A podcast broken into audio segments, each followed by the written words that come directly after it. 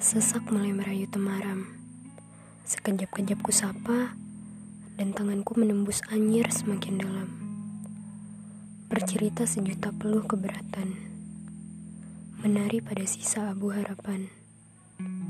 Berhembus pelan dengan patahan. Di ruang tamu kosong itu, harapan sedang menunggu.